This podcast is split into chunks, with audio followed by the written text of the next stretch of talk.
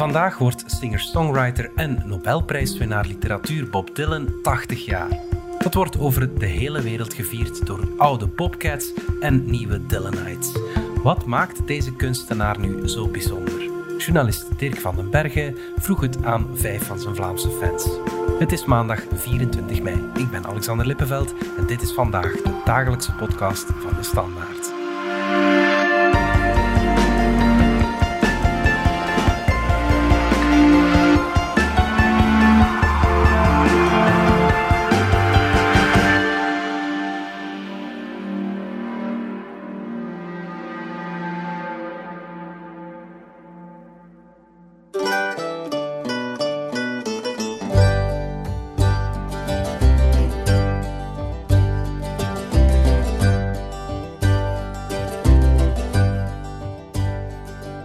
Prijs mij gelukkig dat ik redelijk dat ik niet te veel heb moeten inhalen. Hè, want van, ik zeg het, in, in, ik was 12 in 1965. Ik heb eerst de akoestische dillen leren kennen en dan pas de elektrische. En dan ben ik natuurlijk blijven volgen. Hè. Ook hmm. als het af en toe een keer wat minder was, dacht ik van ja, zelfs op een slechte plaats zat er altijd nog wel altijd één nummer dat, dat de moeite waard is. Hè. Hij kan soms grondig steuren zonder... Gewoon een, een grillige onvoorspelbaarheid. Ja, ik vind dat echt het belangrijkste van echt kunstenaarschap. Ja, een soort papa eigenlijk. Dat klinkt stom om te zeggen, maar van de muziek dan, hè? Een papa van de muziek. Het is een mysterieuze man. Maar in de hemel is geen Dylan, daarom draaien we hem hier. U hoorde in omgekeerde volgorde danseres Lisbeth Gruet, zanger Tom van Laren alias Admiral Freebie en muzikant Jan de Smet van de Nieuwe Snaar, schrijver van het lied In de Hemel is geen Dylan, over hun liefde voor Bob Dylan. Jan de Smet, de openingsvraag ligt een beetje voor de hand, maar waarom is Dylan de enige wereldartiest? Wel, uh, dat is al een zeer moeilijke vraag om onmiddellijk op te antwoorden, want in mijn geval is het natuurlijk niet de enige wereldartiest die ik volg. Er zijn er nog veel meer, maar ze hebben, ze, hebben toch allemaal een connectie met elkaar. Uh, als, ik ze zou, als ik het lijstje zou opnoemen, begin al bij Wannes van der Velde natuurlijk. Uh, Richard Thompson, Ray Cooder, Renault in Frankrijk, Georges Bassins ook. Uh, er zijn er waarschijnlijk nog een paar in heel de wereld, maar die hebben toch allemaal een soort connectie met elkaar, omdat ze allemaal toch opereren vanuit hun eigen roots, vanuit hun eigen ja, uh, muziek waarmee ze mee opgegroeid zijn. En die dan later hebben geëxploreerd. En dat heeft Dylan zeker in, het, allez, zeker in de beginjaren, en feitelijk nu nog altijd, ook met de, de, laatste uh, platen zelfs, heeft hij dat altijd wel blijven exploreren. Zonder Dylan had ik nooit geweten, bijvoorbeeld alleen maar zijn, zijn uh, Teamtime Radio Hour, die honderd uitzendingen uh, die mij een ongelooflijke muzikale kennis hebben bijgebracht. Iets wat ik uh, op dit moment op Nationale Radio nooit meer, nooit meer krijg. En dat zijn dingen waar ik, waar ik die mensen zeer dankbaar voor ben. Ook, ook Richard Thompson bijvoorbeeld, door middel van zijn, de keuze van zijn covers. Ry Cooder natuurlijk, die, uh, die, die, ja, die al die verschillende muziek, wereldmuziekstijlen feitelijk populair heeft gemaakt. En dat zijn zowat de grootste verdiensten. Maar feitelijk de eerste die ik ooit heb leren kennen, die dat werk deed, was toch wel die beroemde Robert Allen Zimmerman uit Dulles, Minnesota. Ja, ik weet niet eens of dat eigenlijk waar is, dat Dylan nu echt de enige wereldartiest is. Voor mij wel. Dylan is voor mij zo heel persoonlijk en individueel. En ik heb nooit het gevoel gehad dat hij volledige groepen wou aanspreken of laat staan pleasen. Wat er wel ongelooflijk is, is zijn carrière. Hè? Omdat de meeste mensen die zo lang bezig zijn, ofwel aan de drugs zijn, dus al dood eigenlijk, of helemaal um, zich verloren hebben in hun geloof. En hij heeft dat even gedaan. Maar dat was dan met ook heel goede resultaten. Dus ja, dat is wel fenomenaal. Maarten van Kouwenbergen, muzikant en manager van het dansgezelschap Voetvolk van Lisbeth Gruet, leerde Dylan pas op latere leeftijd kennen en raakte helemaal verslingerd aan zijn muziek.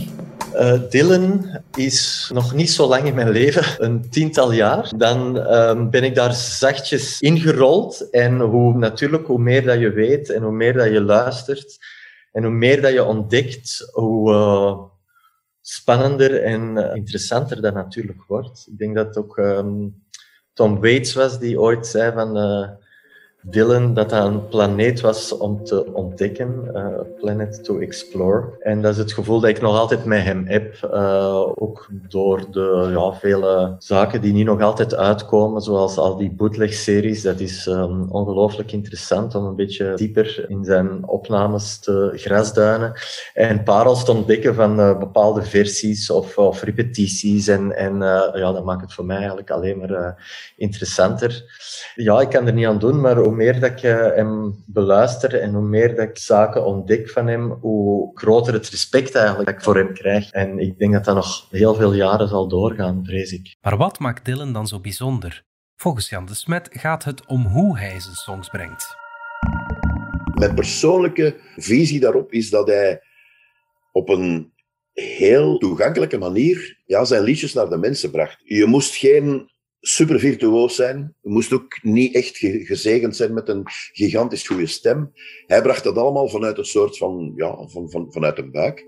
En dat maakte onmiddellijk indruk ook, omdat hij, zeker in het begin, hè, de protestperiode, waar hij toen feitelijk ja, op, een, op een heel indringende manier al die, uh, al die mistoestanden aan de kaak stelde. En waar hij zonder het zelf te willen natuurlijk, de stem van een generatie werd. Dat hij dan uh, veilig een paar jaar later onmiddellijk terug heeft uh, weggewaaid. Voilà, ik ga mijn eigen ding doen. Het gaat nu vooral over love songs en, uh, en, en mijn, mijn, ja, mijn toch wel woordenstroom aan poëzie, een beetje gelieerd aan de beat poets van toen natuurlijk, waar hij toen ook al mee in contact was. Maar het is vooral die, die ja, niet alleen qua op textueel gebied zijn, uh, uh, ja, zijn inventiviteit, maar ook zijn composities, zijn liedjes, die, die allemaal wel, zeker in het begin, met twee voeten in de traditie staan, maar die dan later toch wel een heel eigen stempel hebben gekregen van hem. Soms kan de vonk overslaan door één bepaald nummer. Dat was bij Maarten van Kouwenbergen het geval. Ik denk dat dat door Ballet of a Tin Man was, dat ik uh, ineens dat begreep. En dat dat echt een Frank was die viel en dat met mij een gevoel had van, ah ja, daarom is Dylan zo goed. En, en, en dan is dat, ja, dan doe ik ook momenteel niet liever dat, om dat iedereen te proberen overtuigen.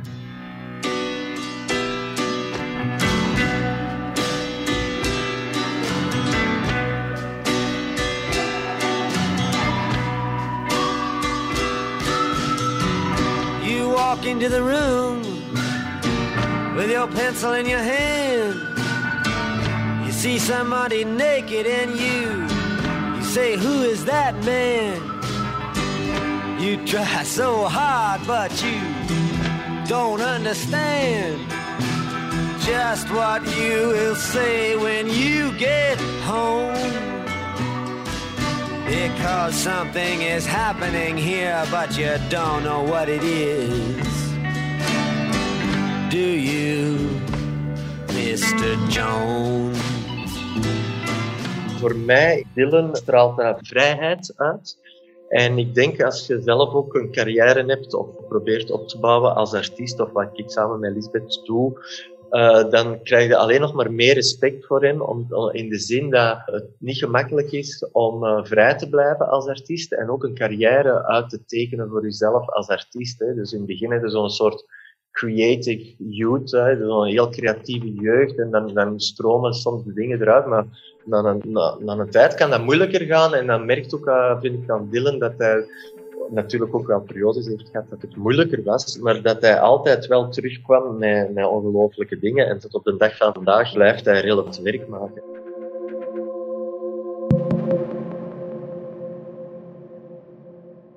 Voor mij is die, is die vrijheid dat hij, eh, dat voor mij uh, verpersoonlijkt in zijn carrière, in, in de keuzes maken die hij gemaakt heeft. Uh, want alleen er zijn periodes geweest dat hij een god was en er zijn periodes geweest dat hij een grap was voor veel mensen. En hij is toch altijd zijn ding blijven doen. En op het einde van de rit heeft iedereen hem toch wel wat gelijk moeten geven. Zelfs met platen die vroeger heel slecht gerecenseerd worden, die bootlegs nu, die krijgen allemaal vijf sterren, terwijl de platen op zich vroeger één ster kregen. Maar te zeggen dat dat, dat allemaal heel relatief is, hè, die zaken. En ik denk dat hij daar heel bewust van is. En dat hij altijd gewoon dicht bij zijn eigen is gebleven, heel eerlijk is geweest in zijn werk. En dat is al één ding dat mij heel hard uh, aantrekt. ook een soort van morsigheid. Ook met sommige opnames, dat hij morsig durft zijn. Eh, Het zingen ook ehm, in een soort van trance doet. Of ehm, een bepaalde frasering dat ik wel tof vond om op te dansen. Eigenlijk, of wel interessant vond om op te dansen. Ongrijpbaar bijna.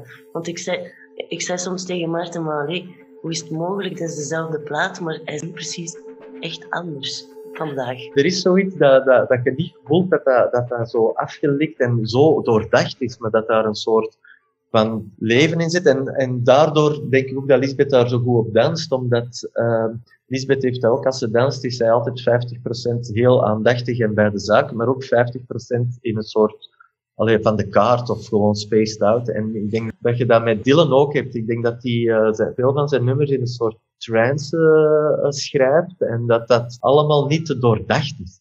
Hij kon heel goed inschatten, volgens mij, wat, waarom iets goed genoeg was. En dat vind ik heel straf, omdat op elk nummer, allee, niet misschien elk nummer, maar is er wel eens een baslijn die, of een basnoot die verkeerd zit, of hij die half in de lach schiet, of, of een keer uh, een, een akkoord dat te laat volgt of zo. En, en dus je voelt dat dat heel levendig is en heel eerlijk is. En, en, en hij kon dan toch op dat moment beslissen van oké, dit is de goede versie, de goed genoegen versie, en dit gooi je op plaat, terwijl er, terwijl er veel andere groepen, nu nog veel meer dan vroeger, allee, alles zo kapot uh, produceren en kapot uh, verfijnen, uh, dat hij toch toen al kon, kon, kon, kon beslissen of oordelen van nee, dit, dit gaat meer over vibe en over sfeer en over gevoel. Een beetje zoals bij de Blue Note in het begin, hoe dat, dat daaraan toe ging. Ik heb onlangs die documentaire gezien van de opnames en dat was echt een soort van sfeer waar dat iedereen vrij mm -hmm. kon spelen. Die versie, up, mm -hmm. uh, het is goed.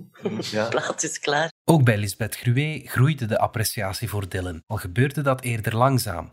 Maar hoe kwamen ze er eigenlijk bij om een dansvoorstelling te maken op de muziek van Bob Dylan? We komen terug op het feit dat Maarten zo ineens het licht had gezien met Bob Dylan. En uh, dat wij veel op tour zijn en veel uren samen spenderen. En hij legt gewoon in een goede situatie, in een theater heb je een goede installatie, heel de tijd Dylan op. Dus ja, uh, ik sta op het podium, ik ben aan het opwarmen en ik denk, ja, het is op Dylan. En vandaag de opwarming en de dag daarna terug op Dylan, een opwarming. En dan ja, werd het een opwarming op Dylan, totdat de dramaturg binnenkwam en die zei, wauw, dat is hier wel... dat is een Zo, voorstelling, zei ja. hij ineens. Hij zo, ja, Lisbeth Gruwe dances Bob Dylan. Dus voor ons was het eerst gewoon een, een soort... Ik die uh, Dylan ontdek en... Uh, en doorgeven. En doorgaan van Lisbeth. En Lisbeth in het begin van, oh, die wou er echt niet op dansen. Hè. Allee, die, die danste er ook niet op. Dat ze dat echt uh, ook nog niet begreep of zo. Maar toen is ze daar echt op beginnen dansen. Dat is allemaal begonnen met One More Cup of Coffee. Het dat bij mij in mijn oor kroop, dat ik dacht, ah, daar, daar voel ik iets bij.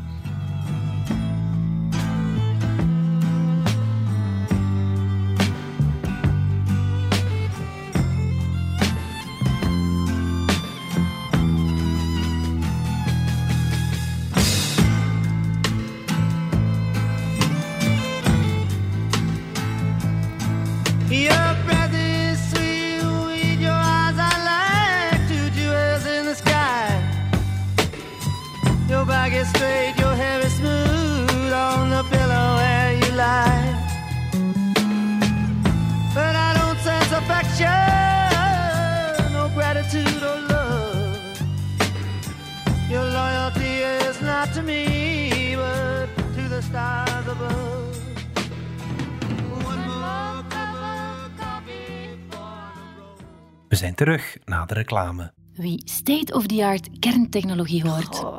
denkt misschien dat dit een ver van zijn bedshow is. Maar zo ver van je bed is het niet. En al helemaal niet van je ziekenhuisbed. Want nucleaire technologie wordt dagelijks gebruikt in onze ziekenhuizen. Ga mee op reis naar de kern van kerntechnologie in de boeiende podcastreeks Naar de Kern. En ontdek alles over de toepassingen van kerntechnologie in de gezondheidszorg. Beluister naar de kern via nucleairforum.be slash podcast of via Spotify. Bij de anderen kwam de liefde voor Bob Dylan al erg vroeg. Jan de Smet raakte in de band halfweg de jaren 60 toen hij amper 12 jaar oud was. Ik had een plaat uh, die mij wel interesseerde, Newport Folk Festival 1963. Ik kende toen al het, het, het, het uh, ja, baanbrekende werk van Pete Seeger. Uh, vooral met zijn, zijn uh, combinatie met Woody Guthrie natuurlijk. En daar stond een liedje op, Ye Playboys and Playgirls. En dat zong hij in combinatie met een zekere Bob Dylan. Die toen voor het eerst op het Newport Folk Festival speelde. En die daar toen blijkbaar een ongelooflijke indruk heeft uh, nagelaten. Net als twee jaar later, toen hij plotseling uh, de elektrische gitaar omgorde. Maar toen was dat echt wel ja, de, de, de, stem van een nieuwe generatie. Hij werd ook als dusdanig opgevoerd. En dat was natuurlijk een gigantische druk die op zijn schouders lag. Maar ik was vooral ja, geïntrigeerd door de rauwheid van die twee stemmen. Hè. Iemand uit een vorige generatie, Piet Seeger, en dat vond ik al een vrij mooie combinatie. En toen, een beetje later, las ik dan dat Dylan ook wel geassocieerd was met de koningin van de folk, hè, met John Bass, die hem feitelijk in die wereld heeft geïntroduceerd. En waar hij onmiddellijk direct haar overvleugelde natuurlijk, omdat zij was een, uh, ja, zij was een performer. Zij was iemand die liedjes uitvoerde. Maar Dylan schreef natuurlijk al zijn materiaal zelf. En dat is natuurlijk een meerwaarde. Ook Saskia de Koster was er vroeg bij. Zij was elf.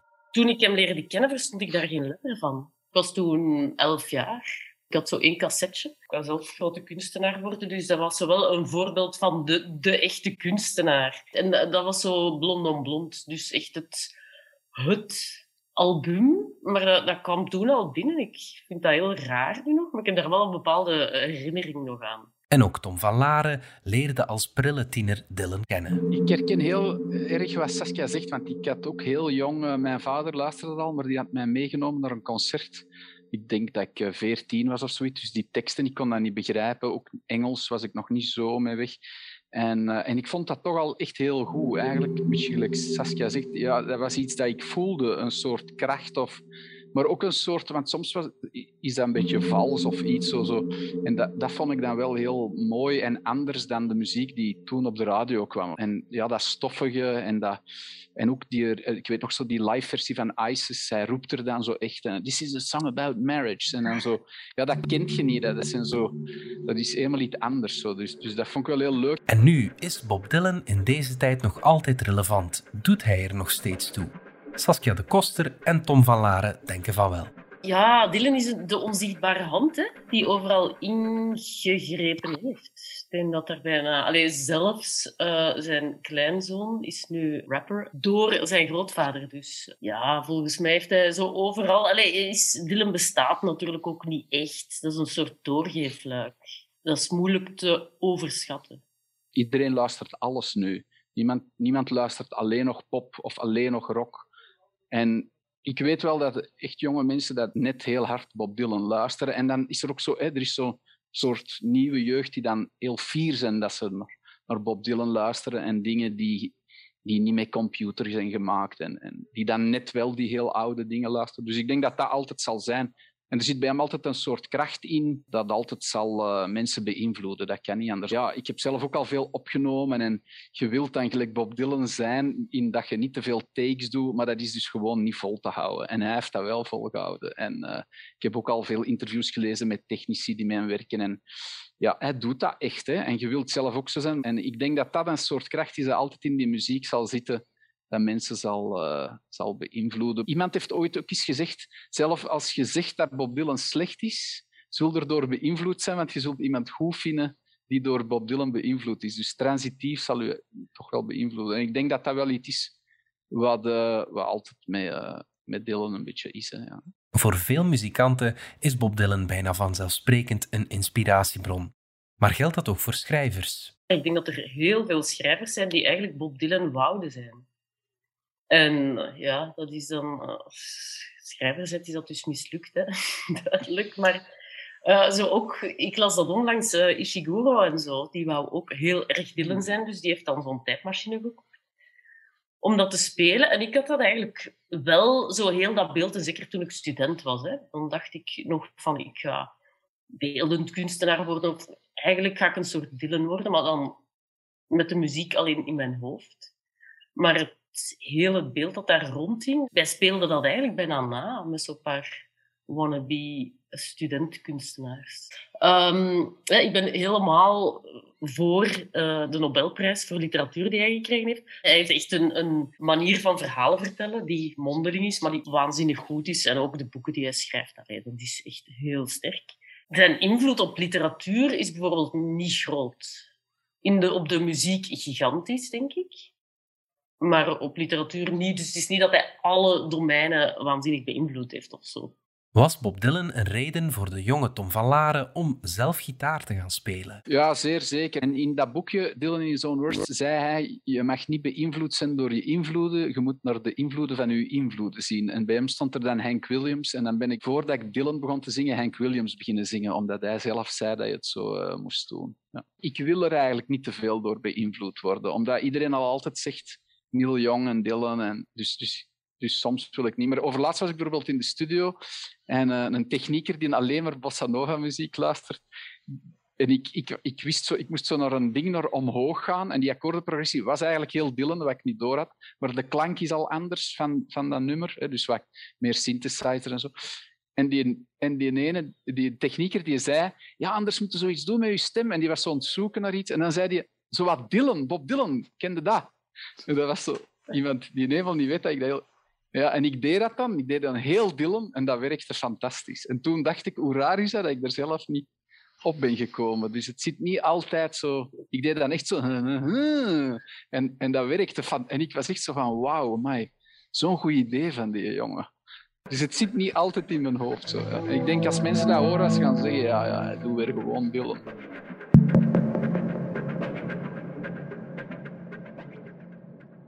Bob Dylan wordt 80. Hoe gaan onze Vlaamse fans dit vieren? Welke gepaste muziek zullen ze opzetten op deze speciale dag? Ik ben nogal fan van zijn uh, akoestische versies, demo-versies van Blood on the Tracks. Uh, zoals uh, bijvoorbeeld Idiot Wind, uh, als hij dat alleen, dus zit wel met een basgitaar tussen nog bij, denk ik. Maar dus veel minder gearrangeerd als op de plaat zelf. Maar dat is, oh, dat is zo goed. dus dat gaat er zeker bij zitten. En dan weet ik eigenlijk voor de, voor de rest nog niet. Ehm, soms zijn er nog zoveel zaken om te ontdekken. Visions of Joanna zal zeker ook, wil ik zeker ook nog horen. Ja, want dat vonden we spijtig dat we dat niet in de voorstelling kregen. Dus we, we spelen dat af als bis als de mensen naar buiten gaan. Maar daar, ja, daar hebben we geen dans op gevonden. Ja. Maar wel een prachtig nummer. Ja, volgend jaar is het zo. Dus in 22 gaat het 60 jaar geleden zijn dat hij zijn eerste plaat uitbracht. En dat gaan we wel effectief vieren in de, in de KVS. En dan gaan wij dus het idee uh, dat we hier hebben is om om een soort uh, voorstelling te maken, Everybody Dances Bob Dylan, dat iedereen die wilt, dus een keer voor uh, ja, 300, 400 man uh, mag komen dansen op Dylan. En iedereen kan zich dan inschrijven. En Lisbeth gaat dat als ceremoniemeester een beetje leiden. Dus dat kan wel een hele fijne avond worden. dat we nu ook kunnen doen, maar ja, door de omstandigheden is dat natuurlijk allemaal niet... Een beetje moeilijk. Ik ga naar zo'n paar, denk ik, nummers luisteren waarvan ik van mezelf niet al te veel mag luisteren omdat die dan verslijten. Allee, er zijn zo'n paar uh, nummers die ik te mooi vind. Eén, denk ik, daar, daar is iedereen het over eens. Blind Willie McTell. Dat gaat ook echt over kunstenaarschap. Of waarom hij zich zo nederig opstelt ten opzichte van een grote Blind Willie McTell. Die veel beter dan iedereen songs kon schrijven. Als eerbetoon. En ja, het is, dat is gewoon een nummer. Dat, dat is zo bijna te mooi. On the saying this land is condemned all the way from New Orleans to Jerusalem. I traveled through East Texas where many martyrs fell.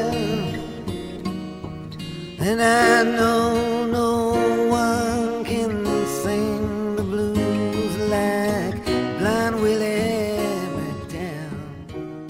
Ja, die Blind Willie McTell, ik had er zelf niet aan gedacht, maar dat is wel inderdaad een ongelooflijk uh, goed nummer. Ja, ik vind dat moeilijk. Ik, ik, ik kan niet zo direct op titels komen. Als ik er aan denk, maar zo Not Dark Yet, dat vond ik wel altijd een heel goede heel goed nummer. Maar ja, dat is misschien wel raar om dat op zijn verjaardag te luisteren. ik, uh, ik, ik vind die, uh, die Spirit on the Water van uh, Modern Times, dat vind ik een prachtig nummer, ook omdat hem er zo'n tijd neemt.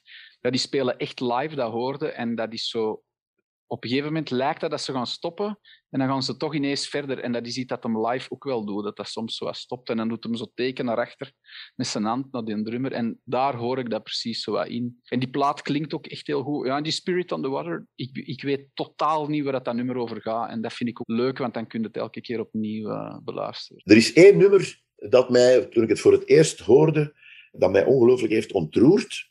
En dat was dan nog een cover. Dylan zingt Do Re Mi van uh, Woody Guthrie, samen met Ry Coolers en Van Dyke Parks.